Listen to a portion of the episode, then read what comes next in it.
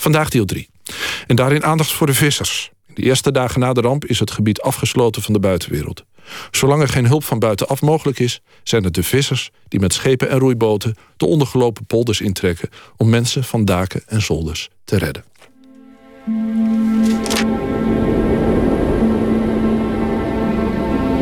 Wij verzamelden al die geredden uit de polderschouwen en die brachten we met sloepen in, in hartje nacht en, en stormweer nog, brachten we op een verzamelpunt in het café wat er nu nog staat, de Herenkeet boven op de dijk. Daar werden de kachels opgestookt en daar werden de mensen zoveel mogelijk voorzien van dekens. Ja, ik heb er ook naakt bij de kachels staan, want alles was nat. En die werden volgestopt met cognac en met koffie. En daar werden de baby's en de kinderen en de oude vrouwtjes die werden daar gebracht. Vanmorgen om kwart over vijf en half zes. Toen hoorden we het water. En toen boosten ze op de vesters. En toen zeggen ze eruit, want er is water. Maar ja, wij konden geen weg meer. En er zijn hier huizen met mensen daar je niks meer van gezien hebt. En nooit niks meer van horen zal ook. En als het café vol was, mensen waren gered, hebben we die mensen allemaal in ons schip geladen. Wij lagen dus in dat haventje van Floos. De een die, die schreeuwde, die huilde en die, had, die waren er verloren en die was kwijt en mijn huis is kapot. En mensen waren allemaal van de daken afgehaald.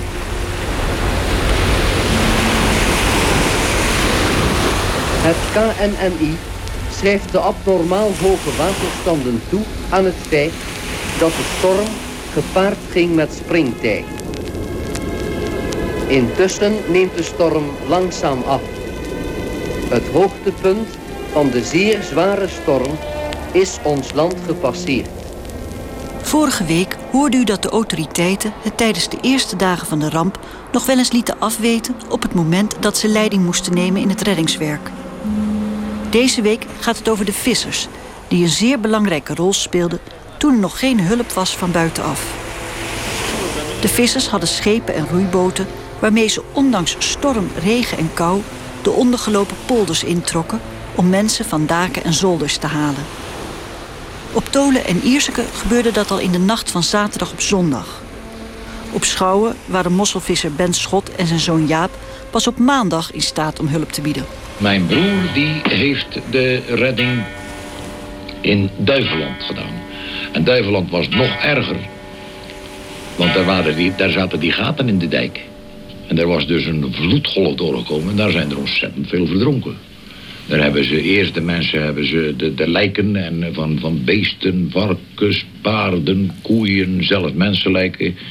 Die moesten ze allemaal eerst, voordat ze met het bootje eh, de, de andere mensen konden gaan redden. En daar zijn onbeschrijfelijke tafereelen afgespeeld. Bevallingen in een bootje. Bevallingen op een zoldertje. Ja, onbeschrijfelijk. En, en, en allemaal mensen en zien verdrinken en lijken zien drijven. Dat is vreselijk geweest. Hallo, hier is noodzender Medi. Hallo, hier noodzender Medi. Noodzender Medi zoekt verbinding met visserschepen in de haven van Stellendam. Hallo, hier noodzender Medi. Waar ik opereerde zijn er misschien een stuk of tien verdronken. Dat is natuurlijk al tien te veel. Maar als je dan kijkt naar, eh, naar Duiveland, waren er honderden, dat was veel erger. Waren er ook huizen? Want u, ik neem aan dat u met uw bootje langs die huizen ging... waar de mensen niet van af konden? Omdat ze op zolder zaten? Nou, we hebben het één keer, dat is geweest in de Slikweg.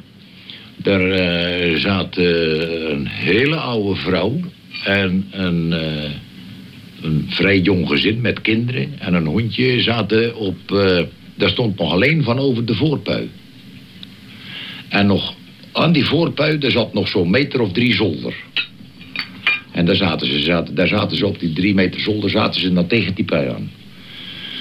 En dat stond tot, tot de goot in het water. En wij met die sloep ter lans. En dan hebben we die hele oude mevrouw, misschien al een, ruim in de tachtig... met heel veel moeite door dat dakraampje moeten... Ja, nog eens schouwse klederdracht, ik herinner me goed. En uh, we hadden ze aan boord en dat, dat, die sloep die stond vol met water, want die was lek. Moesten we met, met een emmer water, moesten we, maar goed, die mensen zaten daarin. Die moesten dus naar die herenkeet gebracht worden. En nou, we waren nog geen, nog geen tien meter. Waren we van die voorpui met dat stukje restant zolder waren we vandaan. Dus zakte de boel in elkaar. Dus als we pakweg drie minuten later geweest waren, dan had heel dat zaakje verdronken. U had het over mensen die niet op hun beurt wachten. Dus die sprongen gewoon naar beneden? Die, die zagen een boot en daar sprongen ze in. Daar sprongen ze, die sprongen zo van het dak zo in het bootje. Maar dan sprongen ze natuurlijk altijd mis. Hè. Sprongen het water. En dan moesten ze wij, wij ze weer uit het water halen. Dat is paniek. Paniek. Slagen paniek. Er wordt met mannenmacht geroeid. Nog een paar slagen. Ja, daar komen ze en we zien alweer dan het bekende beeld, luisteraars. Daar zit in dat kleine bootje toch maar liefst, ik schat 2, 4, zeker 5, 6, 7 man in dat ene bootje. Dit is toch weer een geweldige prestatie van die jongens. Dat is prachtig werk, schitterend werk. En wat een karwei is dat geweest, daar zullen we eens even snel naar moeten vragen. Het was 2 februari. Vreselijk koud en stormen. En ik heb in 48 uren heb ik uh, niet gegeten. En dweilnat, dat kun je je voorstellen. En ik heb niks gedaan als cognac gedronken. En als ik normaal gesproken vier borreltjes cognac drink... dan, ben ik, dan, dan, dan kan ik niet meer. Maar uh, iedere keer als we dus die mensen afleverden daar in die herenkeet... dan stond die Simon Hart, dat was de herbergier... Die stond al gereed en met een glas. Ik geloof dat ze het in een, in een theekopje deden. Ja, theekopje. Maar het komt wel aan. Hier jongens, uh, klaar. En dan gingen we weer weg. En ik heb er geen, totaal niks geen last van gehad. Ik ben niet verkouden geworden. En ik heb geen last van de alcohol gehad. Puur op je zenuwen werken. Uh, hoe was het zo? Had u verwacht dat u nog geholpen zou worden vanavond? Nee, helemaal niet. Nee, want we dachten, ja, er zijn er zoveel misschien, hè? Ja. Ja, en het was, maar we waren doodsbang dat er nog een, uh, weer een vloed zou komen. Ja, want uh, vannacht... Het was maar een halve meter van de zolder meer. En we zaten nou allemaal op de zolder. Uh, en nog maar een halve meter van de zolder af? Ja, tevoren, het is nou de laatste vloed. Ik moet er wel bij zeggen... Die helikopters die zijn pas gekomen toen alle mensen bijna aan veiligheid waren. Want de, de, de visserij, dat durf ik gerust te zeggen... de visserij niet alleen van Zierikzee, maar ook van Ierseke. En Urk. En Urk.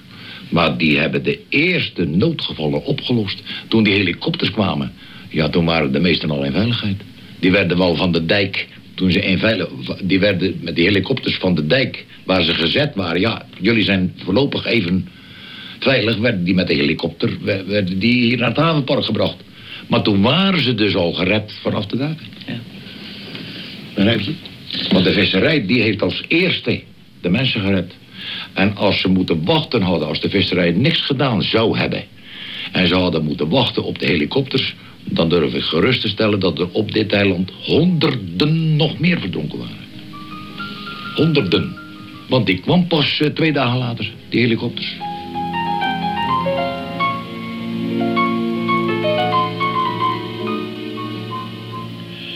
Het verhaal van visser Jaap Schot wordt bevestigd in het onderzoek dat vlak na de ramp onder de evacuees werd gehouden. Een onderzoek waar professor J. Elmer zijn boek van samenstelde. 50% van de mensen blijkt met een boot te zijn gered, 37% met een motorvoertuig of zonder transportmiddel en slechts een enkeling met een helikopter of amfibievaartuig. Dat de reddingsacties toch vaak met helikopters geassocieerd worden... zal wel komen omdat met de helikopters ook de persfotografen op het toneel verschenen. Maar lang voor de eerste helikopter boven de verdonken polders vloog... ploeterden de vissers al in roeibootjes naar geïsoleerde boerenhoeves. Zo ook op Zuid-Beveland. Op de haven van Ierseke stond diep in de nacht een kleine groep vissers tevreden te kijken hoe het water begon te zakken. De vloedplanken die ze zelf hadden geplaatst, hadden het gehouden. Maar op dat moment bereikte hen de mare dat de polder van het naburige Kruiningen was ondergelopen. De vissers bedachten zich geen moment.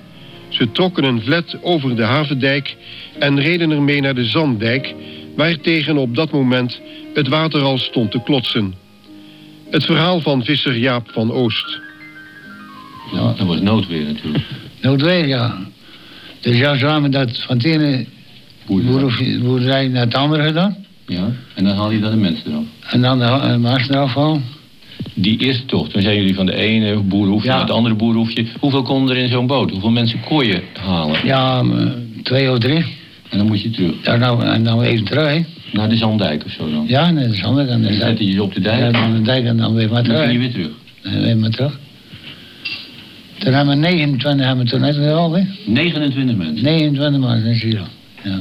ja, maar het was levensgevaarlijk. Ja. Maar ja, het is gelukkig goed afgelopen. De burgemeester, hebt u die nou in die rampnacht gezien? Nee, man, die, die was altijd ziek, hè. Was altijd ziek? Als wat op doet.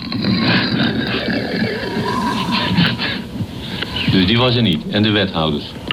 Ja, om die... Maar het was puur initiatief van een paar man particulier. Ja, wonen, ja. Zijn er nu nog mensen in Zuidland op het ogenblik? Ja, er zijn nog veel mensen. Ja. Zijn ze niet bereikbaar met de boten? Nee, ze zijn niet bereikbaar met die boten. Hoe staat het nu met uw eigen huis? Nou, dat staat anderhalf meter onder water zeker. Hoe bent u eruit gekomen? Nog lopen?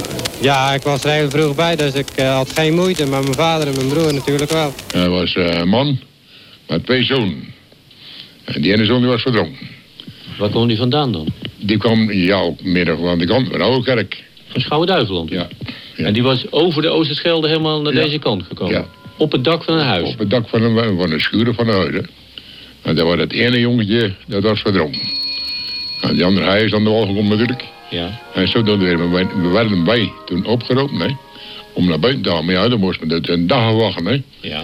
Maar mijn donker had er natuurlijk niet. Dus ja, mijn dag natuurlijk weg. Het verhaal van Hubrecht Koster begint in de nacht van zondag op maandag, als er een drenkeling aanspoelt in Ierseke. Later zal er in Ouwerkerk een straat naar hem worden genoemd. Want Koster steekt de Oosterschelde over met zijn schip wanneer hij in de gaten krijgt hoe erg het eraan toe is aan de overkant.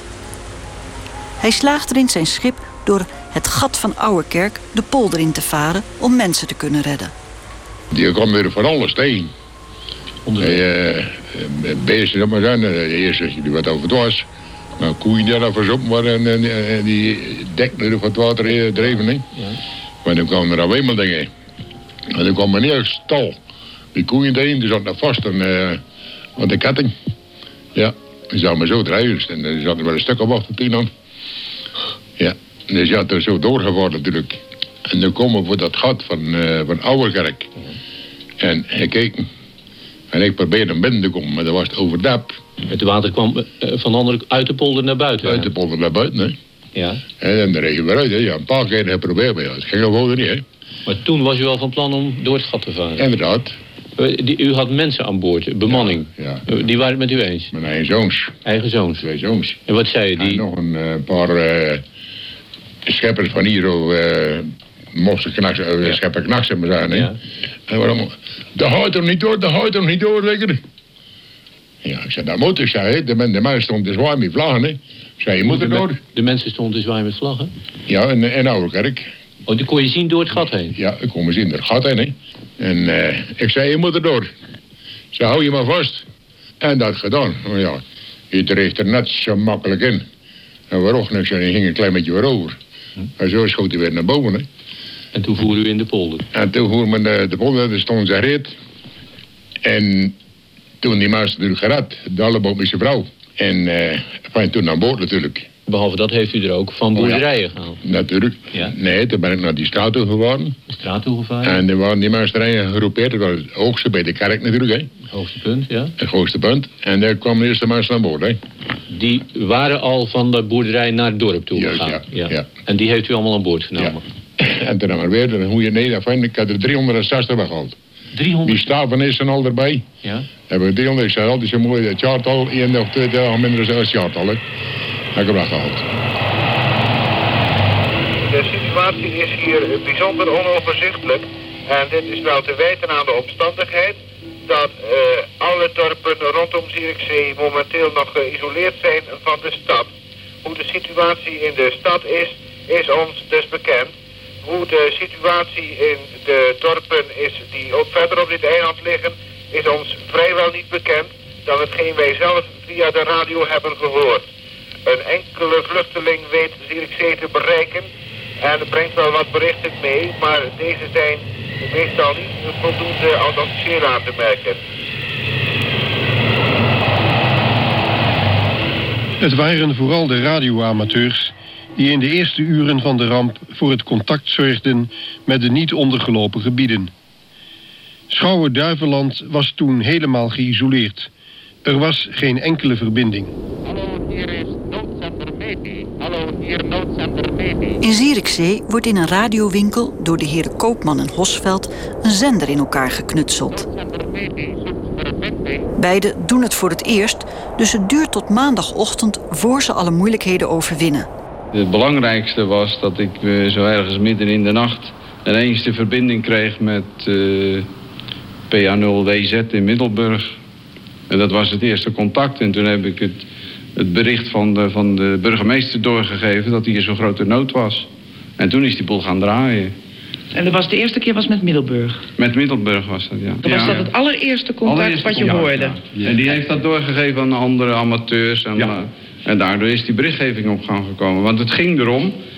ehm, de rest van, eh, van Nederland eh, was niet op de hoogte dat er hier een grote nood was. Omdat ze overal met zichzelf te doen hadden. En omdat er geen berichten vandaan kwamen, was het helemaal dood als het ware.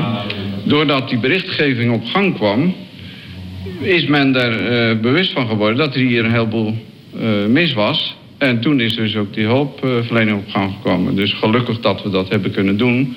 Waardoor, anders was het misschien nog een dag langer eh, geïsoleerd gebleven. En dat had nog veel meer mensenlevens gekost. Hallo, hier is noodzender Medi. Hallo, hier noodzender Medi. De officiële hulpverlening kwam dus pas laat op gang. Men wist gewoon niet eerder hoe dramatisch het was in grote delen van Zeeland. Maar ondertussen vormden zich in de dorpen al werkploegen. Er moest veel gebeuren. Wim Bolijn uit Ouwerkerk is een van die vele mannen die direct na de ramp aan het werk gingen. Nou, is natuurlijk... eh, nou, ik ben dus bij heel die operatie nadien geweest. Een man of twaalf zijn we dus op Ouwerkerk toen direct weggekomen om... eh, en eh, de puin op op te ruimen, de kadavers weg te halen. De ehm, machinerie in zoveel mogelijk op Ouwerkerk naar boven te halen. Onder andere kom je dan ook in het wrakhout op te ruimen. Je komt dan ook een behoorlijk aantal mensen nog tegen, slachtoffers tegen. De eerste dagen heb je er veel moeite mee. Dan zit je dus avonds met die groep bij elkaar. Dan heb je er echt veel moeite mee. Vooral als je dus bekenden gevonden hebt. U bedoelt eh, eh, overleden? Ja, ja. Ja, ja. Slachtoffers gewoon dus, dus tussen het wrakhout in zitten en dergelijke dingen meer. Toch op een duur eh, wordt u net als een oorlog is dat, daar word je immuun voor.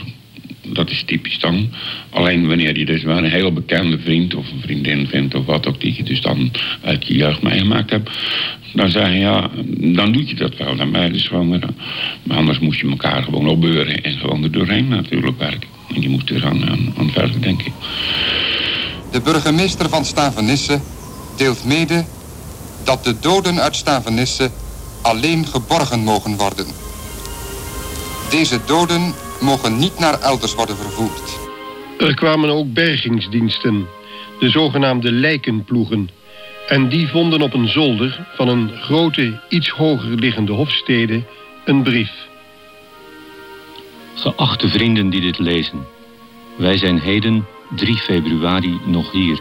Ik en mijn zoon Jacobus. Mijn vrouw Janna de Jonge, oud 48 jaar. Mijn zoon Cornelis de Jonge, oud 12 jaar. Mijn dochter Jacoba de Jonge, oud 11 jaar. En mijn dochter Janna de Jonge, oud 2 jaar. Die zijn allen hier op het eind van de schuur verdronken. Ook mijn zuster, oud 49 jaar, is daarbij. Mijn zoon Johannes de Jonge, oud 10 jaar, ligt hier al aan den dijk begraven. Diegenen die met het opruimingswerk worden belast, verzoek ik vriendelijk en beleefd hiervan nota te nemen. Dit heb ik geschreven, daar ik vermoed dat zij hier onder het stro of de balken zijn. Met een vriendelijk verzoek voor de berging van hun stoffelijk overschot u te willen belasten, u van uw toegenegenheid overtuigd houdende, teken ik Jan de Jonge. PS. Heb nu ook mijn dochter Jacoba gevonden. Zij ligt naast haar broertje in den dijk. Vader de Jonge, om de familie te beschermen gebruiken wij hier een andere naam, had met zijn gezin uren op een vlot gedreven, maar hij moest toch toezien hoe één voor één zijn vrouw en kinderen verdronken. Alleen hij en één zoon hebben die hofsteden nog kunnen bereiken en de ramp overleefd.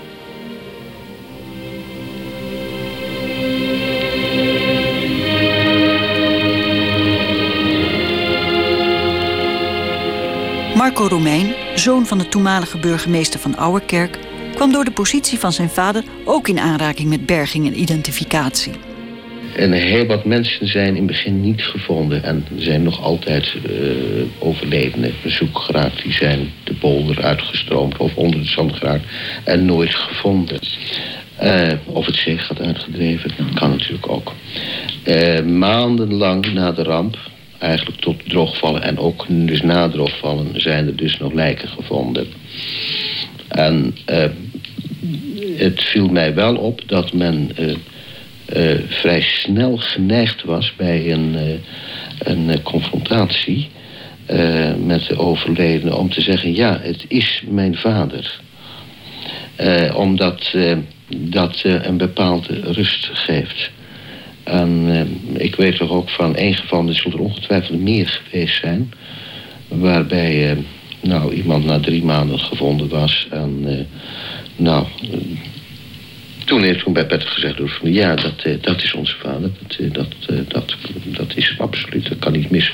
Klieren kloppen en zo. En, nou. Goed, en die man die wordt dan onder die naam, ik zal maar zeggen Jansen, die wordt onder die naam Jansen begraven. En dan twee maanden later wordt er weer een lijk gevonden. En die man heeft een pak aan en blijkt in zijn binnenzak een visakte te zitten op naam van Jansen. En dat was hem. De visser Jaap Schot over de chaos toen in Zierikzee. Ja, lag vol. En allemaal grote schepen. En die moesten al die kadavers laden. En dat ging op de duur stinken. Koeien, weet je het nog, hierna? Koeien en paarden en varkens. Verschrikkelijk. Ja. En allemaal van die waren van die dikke buiken allemaal. Van het water. Oh, ja.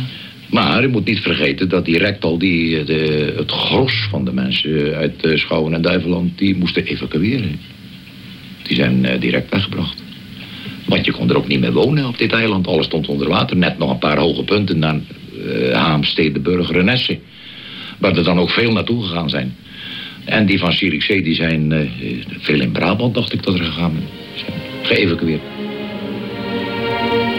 Zoals God nu praat zo dachten er in die tijd maar weinigen over evacuatie.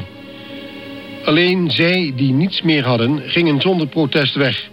Maar de meeste anderen wilden blijven. Liever thuis in de misère dan bij vreemden.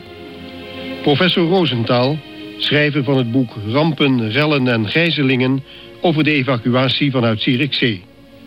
Wat, wat voor mij het meest uh, markante is van die situatie is... en dat vind ik echt een, mirakel... Uh, dat kennelijk de bevolking zo op tilt is geraakt... althans delen van de bevolking daar... dat niets meer heeft kunnen baten... Uh, ja, om ze te laten doen wat de autoriteiten van ze vroegen. Ministers uit Den Haag, Koninklijke Huis gemobiliseerd... En toch bleef die bevolking daar ja, zich verzetten. Ik, wat ik ervan begrepen heb is... het waren mensen die razend waren over de wijze... waarop de autoriteiten überhaupt met de situatie zijn omgegaan. Kijk, eh, als je zegt, eh, wij evacueren u... Want, want het water staat hier tot hier, staat hier uh, zo hoog en, ja. enzovoort. Ja, dan ga je wel mee. Ja. Uh, maar, maar voor dit soort omstandigheden zeer twijfelachtig het, het gevoel van in nood te verkeren, dat ebt razendsnel weg. Nou, dat is daar ook het geval geweest. De opstand onder de anders zo brave burgers van Zierikzee was opmerkelijk. Velen, vooral middenstanders, weigerden doodgewoon om te vertrekken. Een aannemer verklaarde plechtig... Ik ga er nooit uit, dan maar de kogel. Een ander had het over beulswerk en Duitse fascistische methoden. Uiteindelijk daagde een groep middenstanders het gemeentebestuur zelfs via een kort geding voor de rechter. Maar ze verloren. Dat de tegenstand zo fel was, zal ongetwijfeld te maken hebben gehad met de zwakke leiding die de eerste dagen vanuit het stadhuis werd gegeven. Professor Elmers wijst er in zijn boek op dat er in het stadje eigenlijk nog een 19e eeuwse standenstructuur bestond. Die oude structuur zorgde toch al voor de nodige spanningen in Zierikzee, maar nu een aantal leden van de hogere standen zo duidelijk door de mand waren gevallen, leidde dat meteen tot een gezagscrisis. Uiteindelijk slaagde de plaatselijke overheid er toch in om de Zwarte Piet van de evacuatiedwang door te spelen naar de regering. Ze werd daarbij niet weinig geholpen door een naaste medewerker van minister Beel van Binnenlandse Zaken, die na enkele dagen door de regering als een soort rechterhand van de burgemeester in Zierikzee werd gedropt. Deze heer Franken gedroeg zich zo ontactisch dat brandweercommandant Cor Bervoets zich hem nu nog levendig herinnert. Dat was een chaos. Er was een vent. Ik heb rechtstreeks in zijn gezicht gezegd. Ik zei, je bent, eh, je bent ook niet goed geweest in, eh, in tijden... Uh, nee, goed behoord, ja. ja. Maar die ging met de bottenbijl te keren. Moest alles weg. Evacueren. Jij moet evacueren. Jij moet... Die, die, die, die bepaalt dat maar. Maar was het nou nodig? Want er is een hele ruzie met die middenstanders geweest. Je kon ze hier niet houden. Dat bestaat niet. Want je, je had er geen uh, onderkomen voor. Dat, dat is nogal makkelijk. Hoeveel huizen stonden niet onder water en, uh, kapot. en kapot. Dus uh, er, moest, er moest een deel of een groot deel weg. Ik geloof dat er 800 gebleven zijn. Dat is dus dat die erg voor die mensen natuurlijk dat ze weg moesten. Want je, je, je laat die, die puinhoop, die, laat je niet graag. Want je denkt, oh god, straks is er helemaal niks meer van over. Nu, nu is beneden weg, maar straks is het nog boven weg ook. Maar dat, uh... En angst voor diefstal, hè? Ja, daarom angst voor diefstal, hè. Gebeurt, dat, gebeurde dat nou? Nee. Nee. Is wel eens een flesje drank ergens Jan. Ja, wij hadden zogenaamd van die uh, brandweer- en vaarploeg. Die gingen dan overal rond de stad, als ze zeggen, de, die zit nog in nood of die, daar moeten ze wat weg, eh, dan doen we dat. Maar dan onderweg dat, dat noemen ze dan kopdrijvers, die flessen drank, die, die dreven dan. Zeg, hey, met de kurk naar beneden. Met de kurk naar beneden, er drijft er weer een. Er werd ook nog wel eens een neutje gedronken. Ja, wat wil je? In die kou zo. De kou. En we waren niet, dat, dat was geen achturige werkdag dag en nacht, dat, dat gaf niks. Je, je, en alles kon. Je werd niet moe ook. Nee? Nee. Je hoestte niet. Niks. En iedereen hoor, die in die hulpverlening zat. Dat was juist zo geweldig, zo heerlijk dat je dat kon doen in de eerste plaats natuurlijk. En dat deed je maar zonder uh, stadhuis, dat liedje maar stadhuis. Hoor. Dan laat ze maar vergaderen. Ja, zo geeft die ramp dan toch nog een kick eigenlijk. Ja, ja. Uh, wilt u al geloven dat, dat, we daar nog uit leven? Dan zeggen Tom en nog toe. Dat toe was komt. een tijd. Dat was een tijd.